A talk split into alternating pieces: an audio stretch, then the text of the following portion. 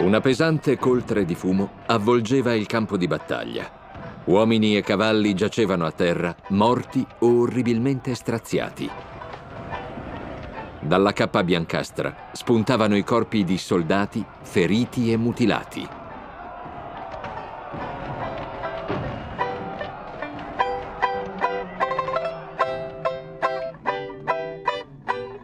Questo lo scenario descritto da un cronista del London Times alla fine della famosa battaglia di Gettysburg, che vide opporsi l'esercito sudista dei Confederati a quello nordista dell'Unione.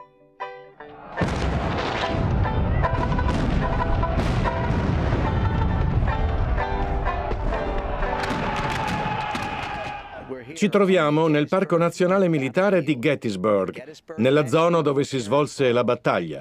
Fu uno scontro decisivo per la guerra civile americana e uno degli avvenimenti più importanti nella storia degli Stati Uniti. Nell'estate del 1863, l'esercito secessionista degli Stati Confederati, al comando del generale Robert Edward Lee, effettuò una profonda avanzata in territorio nordista, spingendosi fino in Pennsylvania.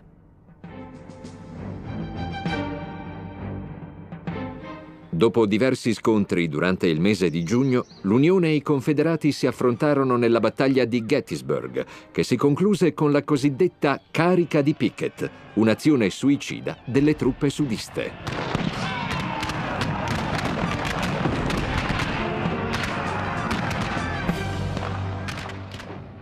Qualche tempo dopo la fine della guerra, il generale Lee confessò che nel 1863 aveva dovuto scegliere tra due alternative. Trincerarsi per difendere Richmond, capitale della Virginia, oppure invadere la Pennsylvania, costringendo così l'esercito dell'Unione ad accettare lo scontro. La sua decisione fu di avanzare verso nord e passare all'offensiva.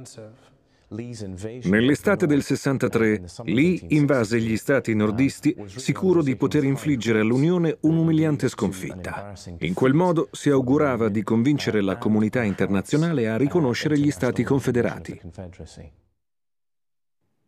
Il generale sperava che l'Europa, pur non intervenendo militarmente nel conflitto, legittimasse come entità politica la Confederazione nata dalla secessione degli Stati del Sud che avevano espresso la volontà di staccarsi dagli Stati Uniti.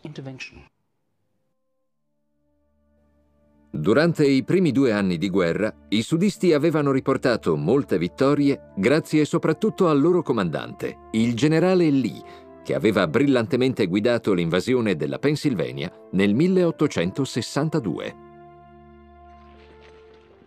Nell'aprile del 61 a Lee era stato offerto il comando delle truppe dell'Unione. Egli rifletté a lungo su quella proposta. Essendo nato in Virginia, preferì restare fedele alla sua patria piuttosto che agli Stati Uniti, nonostante la sua carriera nell'esercito statunitense fosse stata fino ad allora molto positiva. Aveva dimostrato di essere un buon comandante, sapeva prendere le decisioni giuste, motivare gli ufficiali e anche i soldati. Verso la fine della guerra civile, infatti, molti uomini combattevano non solo per la causa sudista, ma anche per lui. Il generale Lee era consapevole delle difficoltà che i confederati avrebbero dovuto affrontare dal punto di vista strategico. Sapeva di non poter sconfiggere l'esercito nordista in una battaglia campale, poiché le forze dei confederati erano nettamente inferiori. Quindi portava avanti una strategia di logoramento affinché gli stati del nord si stancassero di quella guerra. Per i sudisti, lo scopo principale di quella campagna militare era quello di far perdere consensi al presidente Lincoln e al Partito Repubblicano che si opponevano alla secessione. Il generale Lee progettò un audace piano per la campagna estiva del 1863. Invadere il territorio nemico con l'armata della Virginia settentrionale, annientare l'esercito nordista e costringere Washington ad accettare la pace. L'esercito confederato era in difficoltà per il blocco attuato dall'Unione. Scarseggiavano gli uomini e anche le munizioni a disposizione erano poche, ma soprattutto mancavano i rifornimenti. Le scorte di viveri e beni di prima necessità erano ridotte al minimo. Guidando la sua armata in territorio nemico, Lee sperava di allentare la pressione sulla Virginia, ormai stremata dalla guerra. Con l'avanzata oltre il fiume Potomac, Lee sperava di spostare il teatro dei combattimenti nel Maryland o in Pennsylvania, consentendo alla Virginia di riprendersi dalla miseria e dalle devastazioni causate dai due anni di guerra.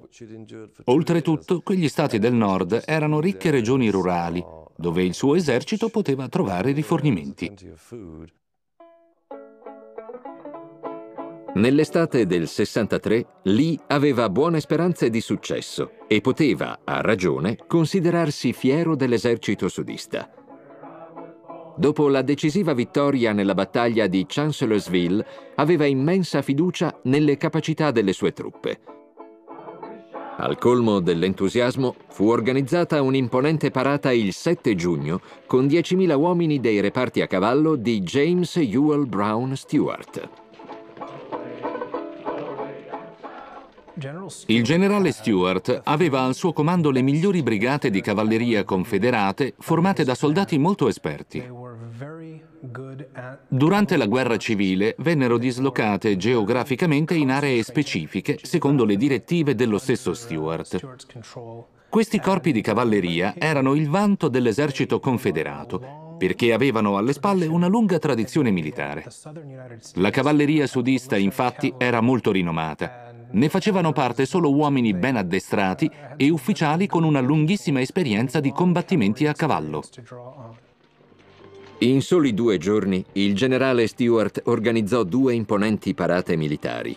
Tuttavia, la superbia ostentata dai sudisti si rivelò dannosa.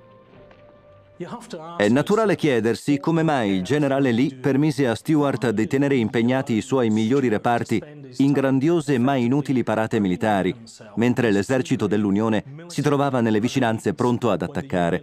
Fu una negligenza verso i propri doveri da parte di Stewart, specialmente se si paragona questo atteggiamento sconsiderato e incauto dell'esercito confederato con la solerzia e la grande professionalità delle truppe dell'Unione. I sudisti dovettero pagarne le conseguenze nello scontro di Brandy Station. L'imponente parata del 5 giugno non sfuggì ai numerosi informatori nordisti. Il generale John Buford, comandante della prima divisione di cavalleria degli Stati Uniti, si trovava a circa 20 km dal luogo della parata e presentò il giorno stesso un dettagliato rapporto in cui si leggeva Tutti i reparti di cavalleria confederati sono concentrati nella contea di Culpeper. Ci sono Stewart, il generale Lee, Robertson, Jenkins e Jones. Basandosi sulle informazioni di Buford, la cavalleria statunitense, che era stata da poco riorganizzata al comando del generale Alfred Pleasanton, il 9 giugno attraversò il fiume Rappahannock e affrontò per la prima volta la famosa cavalleria di Stuart.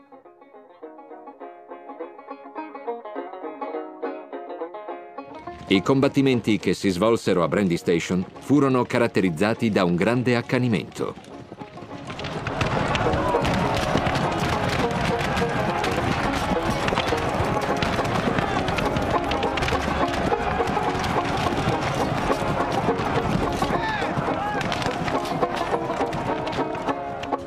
Fu il più importante scontro di cavalleria avvenuto negli Stati Uniti.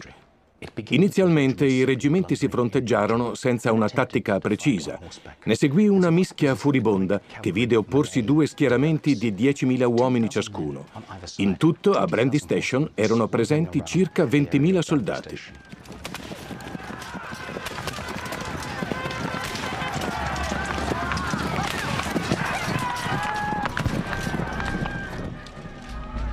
Alla fine, la maggiore esperienza permise alla cavalleria sudista di imporsi. Stewart e i suoi riuscirono a respingere le truppe nordiste, ma non fu una vittoria facile. Lo scontro di Brandy Station fu un duro colpo per i sudisti. Principalmente per due motivi. Innanzitutto Stewart era stato colto di sorpresa e non aveva avuto il tempo di organizzarsi e pensare alla strategia da adottare. Inoltre la cavalleria dell'Unione era riuscita a difendersi molto bene, nonostante la minore esperienza. I sudisti capirono che la fama di invincibilità della cavalleria di Stewart forse non rispecchiava più la realtà. A Brandy Station, la cavalleria dell'Unione dimostrò di essere in grado di affrontare uno scontro diretto con i confederati e di essere all'altezza dei maestri sudisti. Di conseguenza, il mito della cavalleria sudista uscì molto ridimensionato da questa battaglia. Alla fine del mese di giugno 1863, tutte le forze confederate disponibili erano state radunate pronte a tentare una nuova invasione degli stati del nord. L'armata della Virginia settentrionale, composta da più di 80.000 uomini, avanzò con l'obiettivo di conquistare Washington. L'esercito dell'Unione disponeva però di oltre 150.000 soldati. Lì doveva agire con molta cautela.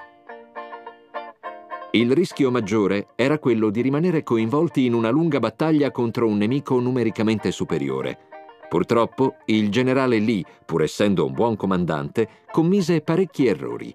Nel corso del conflitto, infatti, operò alcune scelte discutibili.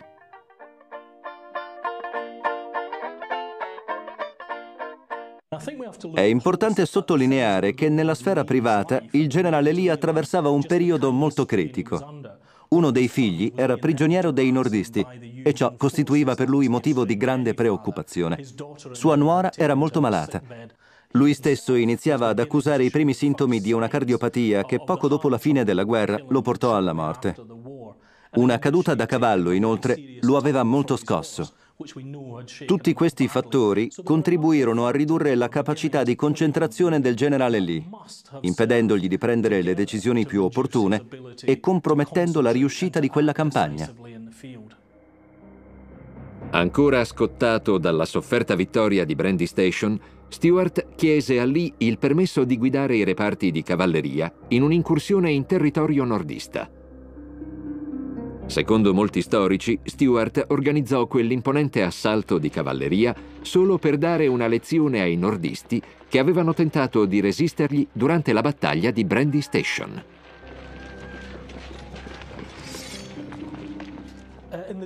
Quando ancora non esistevano le comunicazioni via radio, erano i soldati di cavalleria a mantenere i contatti tra i vari reparti dell'esercito. Avevano anche il compito di localizzare i nemici, riferire sui loro schieramenti e, cosa ancora più importante, impedire agli esploratori avversari di scoprire gli spostamenti e le mosse del loro esercito. Quindi, consentendo a Stewart di allontanare la cavalleria per compiere un'incursione in territorio nordista, Lì commise un gravissimo errore. Questa operazione fece perdere a Lee i contatti con Stewart. Non solo i due generali non avevano possibilità di comunicare fra loro, ma Lee si privò anche di personale da impiegare per le ricognizioni. Senza esploratori, l'esercito confederato fu costretto ad avanzare alla cieca. Privo della copertura dei reparti di cavalleria di Stuart, Lee si avventurò in Pennsylvania, non sapendo che l'armata del Potomac, forte di circa 95.000 uomini e comandata dal generale George Meade, si avvicinava sempre più. Meade era originario della Pennsylvania, un fatto non trascurabile se si considera che l'esercito dell'Unione era impegnato proprio in quello Stato. Era molto abile nella guerra di difesa, quindi la situazione volse a suo favore. Si trovò a condurre una battaglia difensiva che mise in luce le sue qualità migliori. A volte in guerra i comandanti hanno la possibilità di scegliere il campo su cui affrontare il nemico. Non fu così per la battaglia di Gettysburg. Lo scontro più importante della guerra civile americana si svolse in questo luogo per puro caso. All'alba del 1 luglio 1863, il generale sudista Henry Haight si spinse con i suoi uomini verso Gettysburg. Aveva sentito dire che nella cittadina erano disponibili scorte di stivali. Tra i beni di prima necessità che mancavano ai soldati c'erano soprattutto le scarpe e il generale Hett non volle lasciarsi sfuggire l'opportunità di procurarsene in quantità. Non si aspettava però di incontrare i reparti di cavalleria nordista del generale Buford.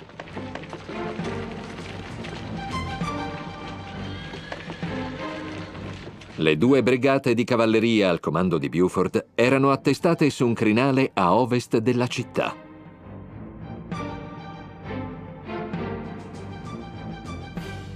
L'edificio che si vede laggiù è la fattoria McPherson, sulla cosiddetta cresta McPherson.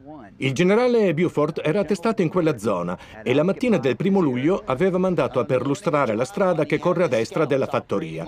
A meno di 5 km di distanza, i suoi esploratori avvistarono i confederati, circa 5.000 uomini in marcia verso Gettysburg. Il generale Buford schierò i suoi reparti per la battaglia. Proprio in questo punto, fra le 8 e le 10, si svolsero i primi scontri fra le unità di cavalleria nordiste e la divisione sudista del generale Hett. Buford comandava un'unità che al giorno d'oggi chiameremmo Forza di Intervento Rapido. Le sue brigate avevano il compito di bloccare i confederati a Gettysburg per fare in modo che lo scontro avvenisse lì. Buford dispose i soldati lungo la riva sinistra del torrente Willoughby Run. Non aveva molti uomini a disposizione, 2748 cavalleggeri contro i 7500 soldati confederati che avanzavano da Air Ridge. Il generale Davis comandava il fianco sinistro dello schieramento sudista e il generale Archer quello destro. Cosa poteva fare Buford? Probabilmente al suo posto un comandante sudista avrebbe lanciato una carica contro il nemico, disperdendo i reparti di prima linea. Sarebbe stata un'azione spettacolare. Ben presto però il nemico avrebbe serrato i ranghi e Buford avrebbe perso i suoi uomini. Decise invece di impiegare i cavalleggeri come fanteria a cavallo. All'interno dell'armata del Potomac, la cavalleria di Buford costituiva un corpo d'elite. Aveva in dotazione le armi più moderne e costose, fucili a ripetizione e carabine. Grazie a questi equipaggiamenti il reparto poteva opporre un volume e una velocità di fuoco decisamente superiori rispetto a qualunque unità dell'esercito confederato. Quindi, anche se gli uomini di Buford a Gettysburg erano numericamente inferiori rispetto al nemico, la mattina del primo luglio opposero un'efficace resistenza contro la fanteria sudista. La situazione stava prendendo una piega negativa per i confederati. L'azione della cavalleria nordista servì da copertura al resto delle truppe e a poco a poco trascinò i sudisti verso una battaglia campale. Quello era proprio il tipo di scontro che il generale Lee avrebbe preferito evitare, soprattutto perché non fu lui a scegliere il luogo né ebbe modo di organizzarsi adeguatamente. Gli uomini di Buford affrontarono con coraggio i confederati per circa un'ora prima di essere respinti. Ci troviamo su Oak Hill, un'altura a nord-ovest di Gettysburg. In quest'area i combattimenti iniziarono di mattina. I confederati avanzavano dalle montagne, dirigendosi verso la strada per Chambersburg, a circa un chilometro e mezzo da qui. L'esercito nordista proveniva da sud, passò da Gettysburg e si attestò per difendere il crinale che si trova davanti a noi. La fattoria McPherson è situata a circa un chilometro e mezzo più a sud. Gli scontri durarono tutta la mattinata. Quando le truppe di Buford iniziarono a vacillare, il generale Reynolds accorse a sostegno con il primo corpo d'armata. Informò il generale Meade dei combattimenti in corso e fece intervenire in battaglia le sue brigate scelte che si spinsero fino alla cresta McPherson.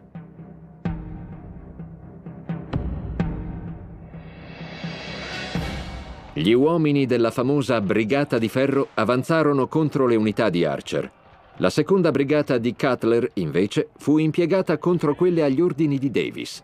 Il generale Reynolds, in prima linea per incitare i suoi uomini, venne colpito e ucciso. Gli subentrò il generale Ebner Doubleday.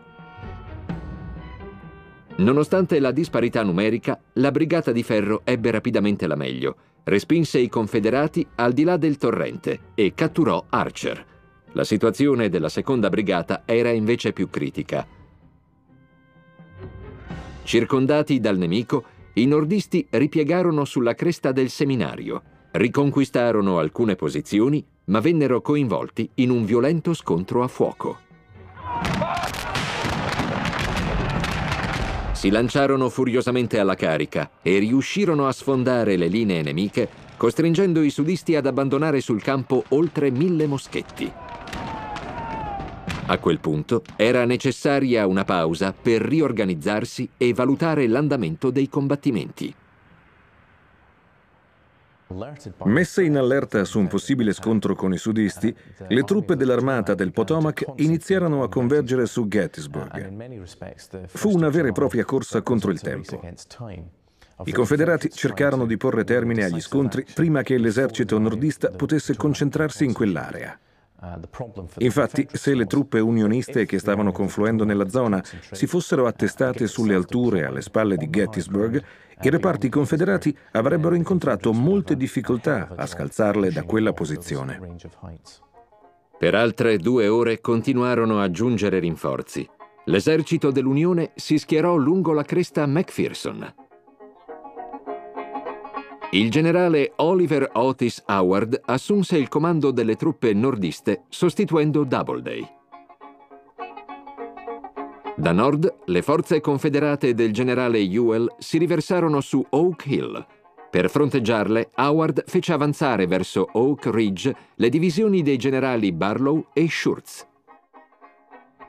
Verso mezzogiorno, l'esercito nordista era riuscito ad attestarsi su Oak Ridge Doubleday aveva fatto riparare gli uomini dietro a un muretto di pietra, ritenendolo una buona posizione difensiva.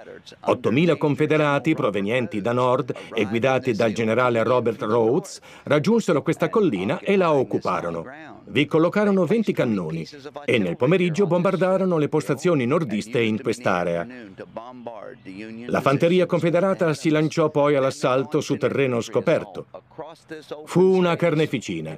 Gli uomini di Doubleday lasciarono che i sudisti si avvicinassero fino a una novantina di metri e solo allora aprirono il fuoco. La brigata Iverson del North Carolina subì gravi perdite nei combattimenti che si svolsero in questa zona. I sudisti potevano contare su cinque brigate, ma il generale Rhodes affidò i compiti più delicati a comandanti poco capaci come O'Neill e Iverson. Questi commisero molti errori e non si preoccuparono nemmeno di seguire i loro uomini in battaglia. Le loro due brigate vennero rapidamente annientate da una sola brigata nordista.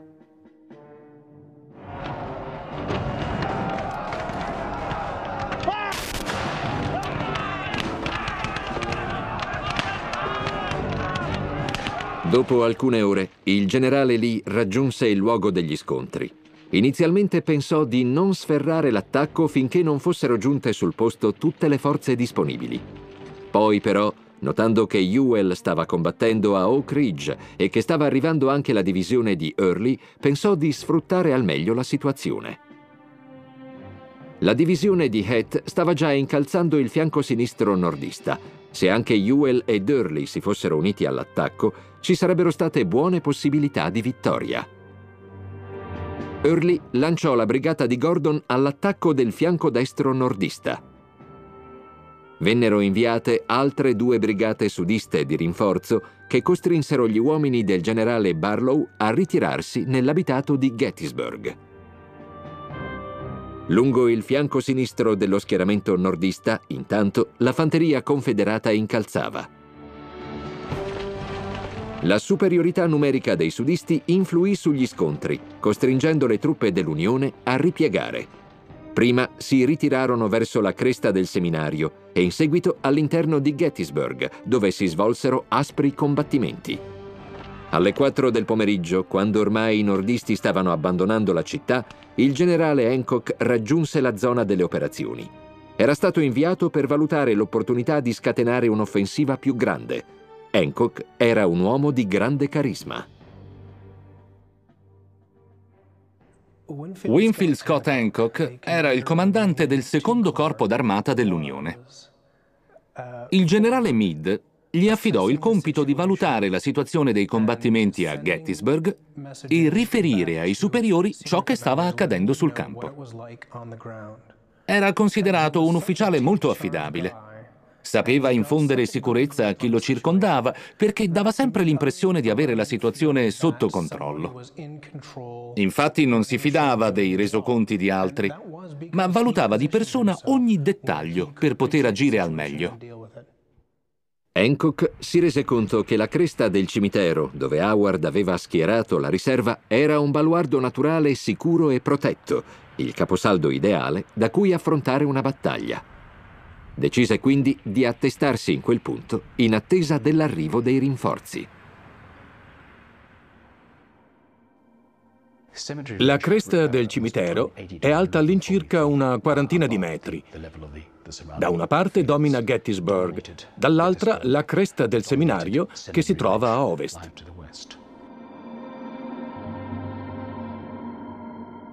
Sul crinale sorgeva il cimitero della città, costruito una decina di anni prima della battaglia. Da esso prese il nome l'altura. Hancock valutò che, oltre ad essere un luogo sopraelevato, la cresta del cimitero era piena di lapidi e monumenti funebri che potevano essere sfruttati come difesa.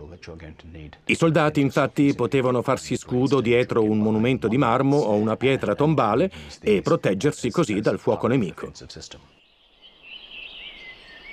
Sapendo che le forze attestate sulla cresta del cimitero erano esigue, il generale Lee esortò i suoi ufficiali a conquistare subito il crinale. Ma Ewell e i suoi colleghi, forse a causa della stanchezza, non seppero sfruttare il vantaggio di cui disponevano. Alla fine della giornata i combattimenti si conclusero senza vincitori né vinti.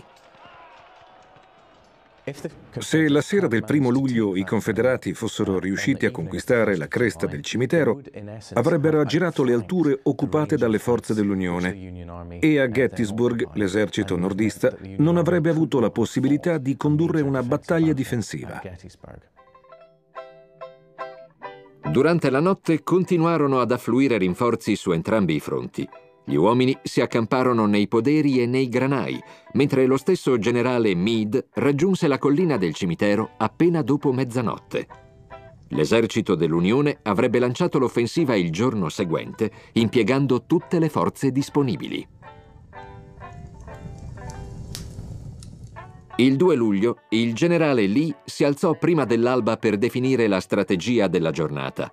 Venne raggiunto ben presto dal suo Stato Maggiore, i generali Hill, Hett, Hood, McLaws e Longstreet. Ebbe conferma di ciò che gli era stato riferito. I nordisti avevano schierato solo alcune vedette ai margini della cresta del cimitero, mentre le due collinette a sud, le Round Tops, non erano presidiate. Di conseguenza delineò il suo piano d'attacco. Le divisioni dei generali McLaws e Hood al comando di Longstreet avrebbero sferrato l'attacco alla cresta del cimitero da sud. Da ovest le truppe del generale Hill dovevano lanciare una serie di assalti con un'operazione combinata. Ewell, che si trovava a nord di Gettysburg, dopo il segnale dell'inizio dei combattimenti, avrebbe effettuato una manovra diversiva per evitare che i rinforzi nordisti intralciassero Longstreet. I confederati attaccarono in condizioni del tutto sfavorevoli. Le truppe nordiste avevano organizzato le loro difese in maniera molto efficace ed erano inoltre molto più numerose. Sarebbe stato difficile batterle anche affrontandole su un terreno favorevole. A Gettysburg, quindi, i sudisti non disponevano di forze sufficienti per sconfiggere l'armata del Potomac. Il piano di Lee non poteva funzionare. I reparti nordisti marciarono tutta la notte e verso le nove del mattino l'esercito dell'Unione si riunì nella zona delle operazioni. Si schierò su un fronte di circa 5 chilometri che si estendeva da Gettysburg verso sud.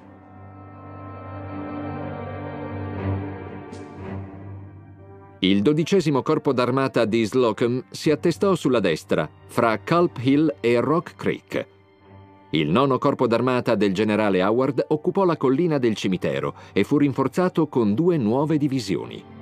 Il secondo corpo d'armata di Hancock si schierò invece sulla cresta del cimitero, mentre il generale Sickles occupò l'estremità sinistra del crinale e la collinetta detta Little Round Top.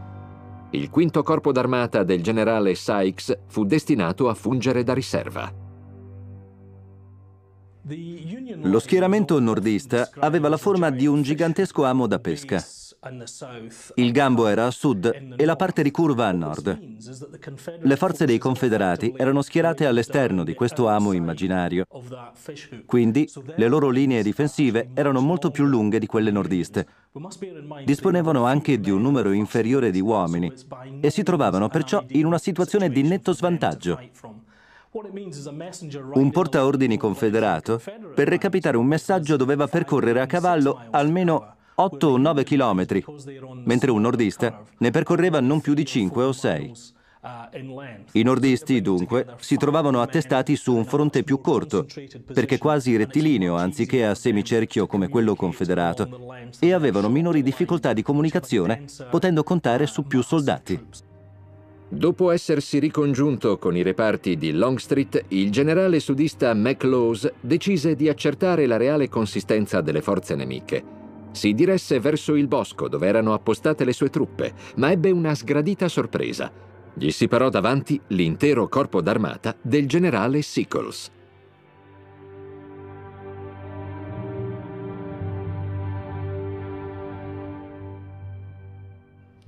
Questa piccola altura si chiama Little Round Top. Se pensiamo alla forma ad amo dello schieramento nordista, si può dire che la collina corrispondeva alla curva dell'amo, il punto più a sud della linea difensiva. Il gambo si allungava verso nord-ovest, lungo la cresta del cimitero, mentre la punta dell'amo coincideva con Calf's Hill. Nonostante l'importanza strategica di questa collina, il generale nordista Sickles non l'aveva occupata. Inizialmente aveva ricevuto ordine di presidiare la zona, ma nel primo pomeriggio aveva trasferito le truppe in un altro luogo.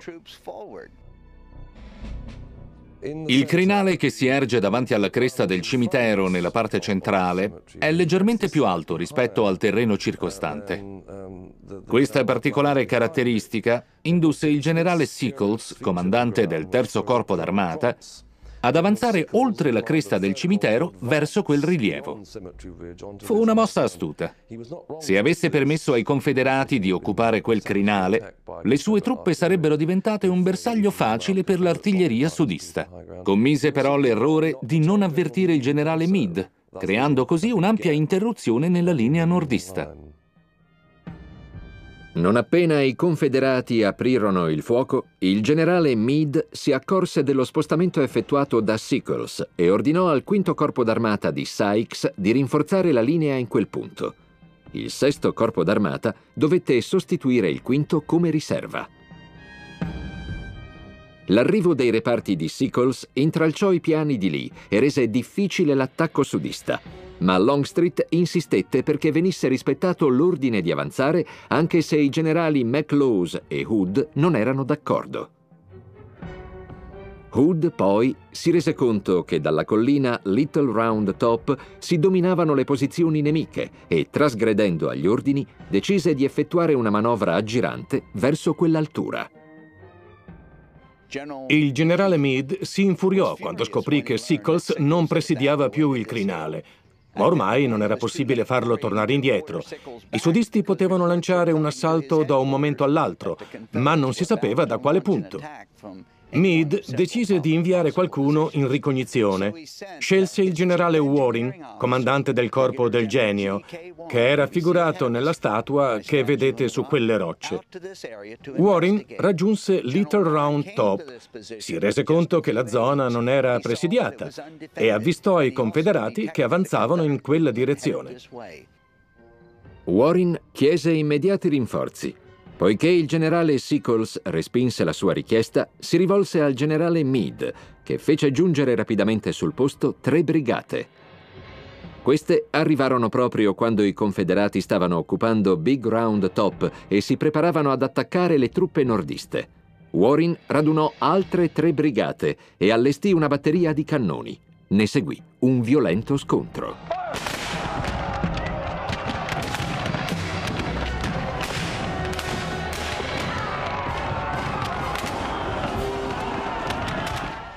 Ci troviamo alle pendici di Little Round Top. La cima si erge a circa 180 metri da qui in direzione nord. Conservarne il controllo era fondamentale per le truppe dell'Unione. Se i confederati fossero riusciti a conquistarla, infatti, avrebbero potuto dominare l'intero schieramento nemico. I sudisti sferrarono l'assalto alle 4 del pomeriggio del 2 luglio, attestandosi sulla cima di Big Round Top, che si erge poche centinaia di metri più a sud. Le forze dell'Unione ebbero la meglio. Warren agì tempestivamente e il fianco sinistro dello schieramento nordista fu salvo.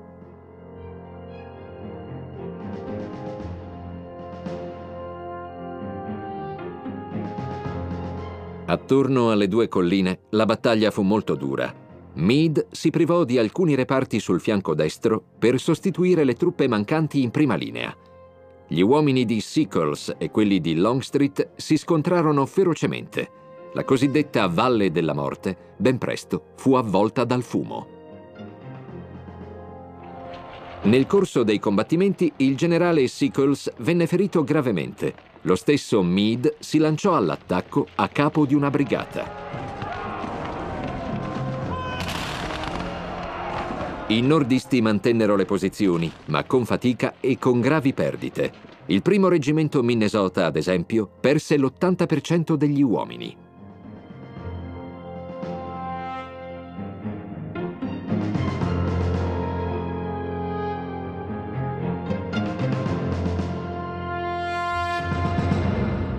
Intanto, più a nord, Ewell non si accorse che gli scontri erano iniziati e fece scattare con un'ora di ritardo la sua azione diversiva. L'artiglieria sudista continuò a sparare fino al tramonto, poi la fanteria avanzò minacciosamente. Il generale Johnson verso Culp's Hill e il generale Early in direzione della collina del cimitero.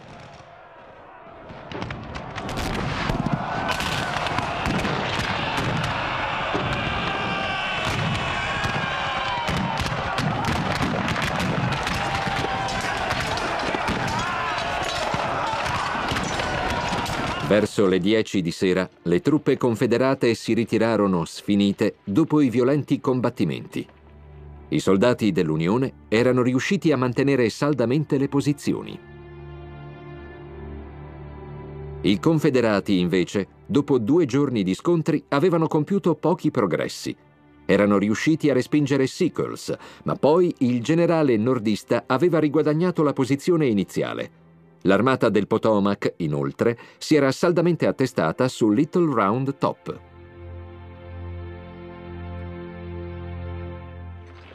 Malgrado gli insuccessi del 2 luglio, Lee non modificò i suoi piani per il giorno seguente. Per lui era indispensabile riportare una vittoria clamorosa. Sperava di ottenerla sferrando un attacco contro il centro della linea nemica dopo un violento tiro di sbarramento effettuato da 160 cannoni, avrebbe ordinato la carica con i 12.000 uomini della divisione del generale Pickett.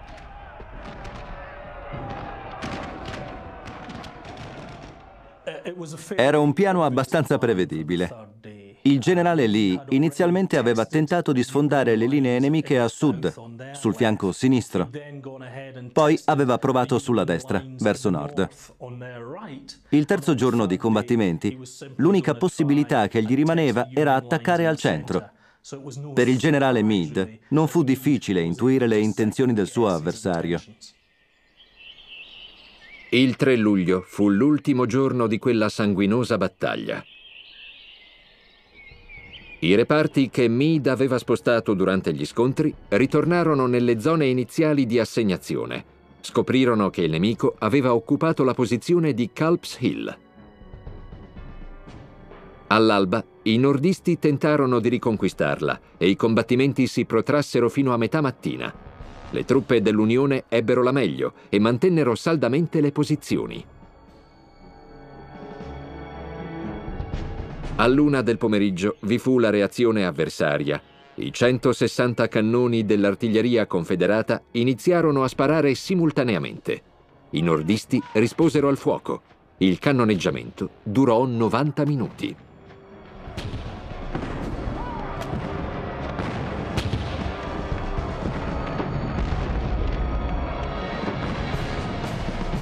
Meade decise di interrompere temporaneamente il fuoco per far diradare il fumo e vedere se i nemici stavano avanzando. I sudisti fraintesero quella pausa, pensando che i nordisti fossero demoralizzati e la loro artiglieria fosse stata danneggiata. Decisero quindi di sferrare l'offensiva contro la collina del cimitero con la divisione di Pickett.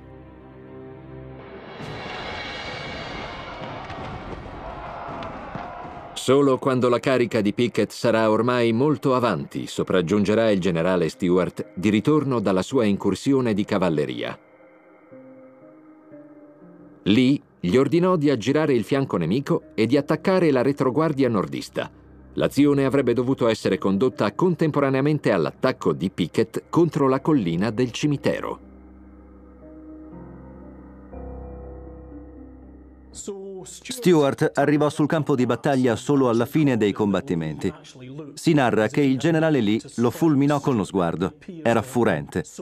Nei due giorni precedenti si erano consumati aspri scontri e la presenza dei reparti di cavalleria, forse, avrebbe potuto ribaltarne le sorti. Lee però lasciò da parte il risentimento per Stewart e gli ordinò di eseguire immediatamente un'ampia manovra di aggiramento a supporto della carica di Pickett. Ma a quel punto si rivelò del tutto inutile. Dal folto del bosco avanzarono i 12.000 soldati di Pickett Sembrava una parata in alta uniforme. Marciavano al passo, in linee compatte, accompagnati dal ritmo dei tamburi e preceduti dai portabandiera. I nordisti attesero che arrivassero a circa un quarto della distanza che li separava da loro e poi aprirono il fuoco. Ciononostante, i confederati continuarono ad avanzare. La zona non era adatta ad un attacco. Nessun comandante ordinerebbe ai suoi uomini di avanzare per 1400 metri su un terreno completamente pianeggiante, senza copertura e sotto il tiro dell'artiglieria avversaria. È una distanza di quasi un chilometro e mezzo. Una persona allenata e in buone condizioni fisiche impiega 20 minuti per percorrere circa due chilometri. Quindi i soldati sudisti dovettero marciare per diverso tempo completamente esposti al fuoco nemico.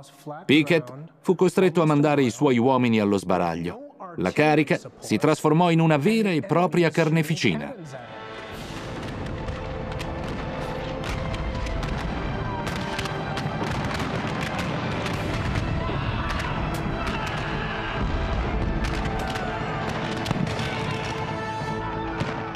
Incuranti del fuoco, i sudisti proseguirono la loro marcia. Superarono la strada per Emmitsburg fino a convergere su una posizione detta l'angolo dove erano attestati i nordisti.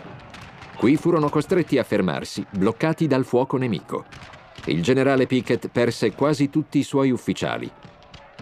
I confederati riuscirono a impadronirsi di alcuni cannoni, ma vennero definitivamente respinti dal 72 Reggimento Pennsylvania con un assalto alla baionetta. Nonostante tutti i fattori avversi a quell'azione, i soldati di Pickett riuscirono comunque ad avvicinarsi al fronte nemico e a impadronirsi, sia pure temporaneamente, di alcuni cannoni avversari. Per questa ragione la carica di Pickett è ancora ricordata come un episodio eroico. Fu però completamente inutile, un'azione concepita e condotta male che non avrebbe mai dovuto essere realizzata. Nella carica, i confederati subirono perdite altissime, oltre il 50% degli uomini fra morti, feriti e prigionieri.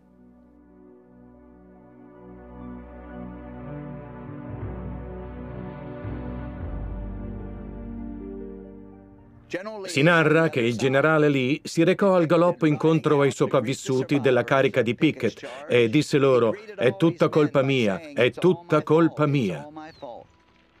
Ogni comandante deve assumersi le responsabilità delle proprie decisioni. In questo caso, la responsabilità del massacro fu senz'altro del generale Lee. Pickett era un suo subordinato e si limitò a eseguire un ordine. Il comandante dell'esercito dell'Unione, però, dimostrò di avere molto più coraggio e onestà di altri colleghi, andando incontro ai superstiti e a Pickett e riconoscendo le proprie colpe davanti ai suoi uomini. Lee inviò tre divisioni di fanteria confederate contro sette corpi d'armata nordisti, senza nemmeno l'appoggio dell'artiglieria. Oltretutto, il terreno era completamente inadatto a quel tipo di manovra. Il piano era destinato a fallire. Anche l'azione di supporto dei reparti di cavalleria di Stuart sul fianco dello schieramento nordista non riuscì, eppure Lee la riteneva un'azione di fondamentale importanza.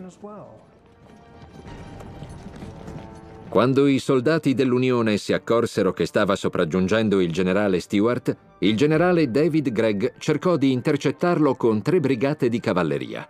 Uno di questi reparti era comandato dal valoroso e brillante generale George Custer.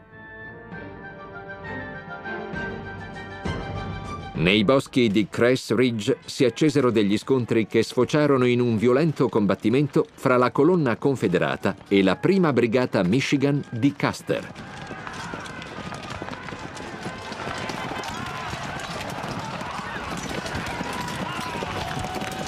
La cavalleria sudista, anche se numericamente superiore, venne fermata. Gli uomini di Greg mantennero coraggiosamente le posizioni, evitando una pericolosa disfatta. Il terzo giorno di combattimenti volgeva al termine. L'esercito confederato non aveva subito una sconfitta irreparabile, ma Lee non nutriva più alcuna speranza di vittoria e fu costretto a cambiare totalmente la sua strategia. Ordinò alle truppe di ripiegare verso il fiume Potomac e ritirarsi in Virginia.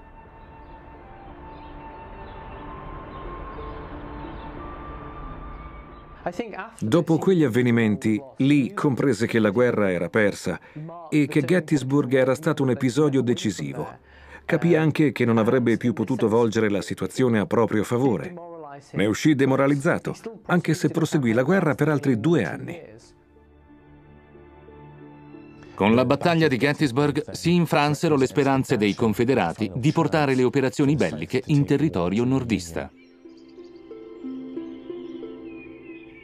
Sul campo di battaglia, gli unionisti persero circa 23.000 uomini, con più di 3.000 morti.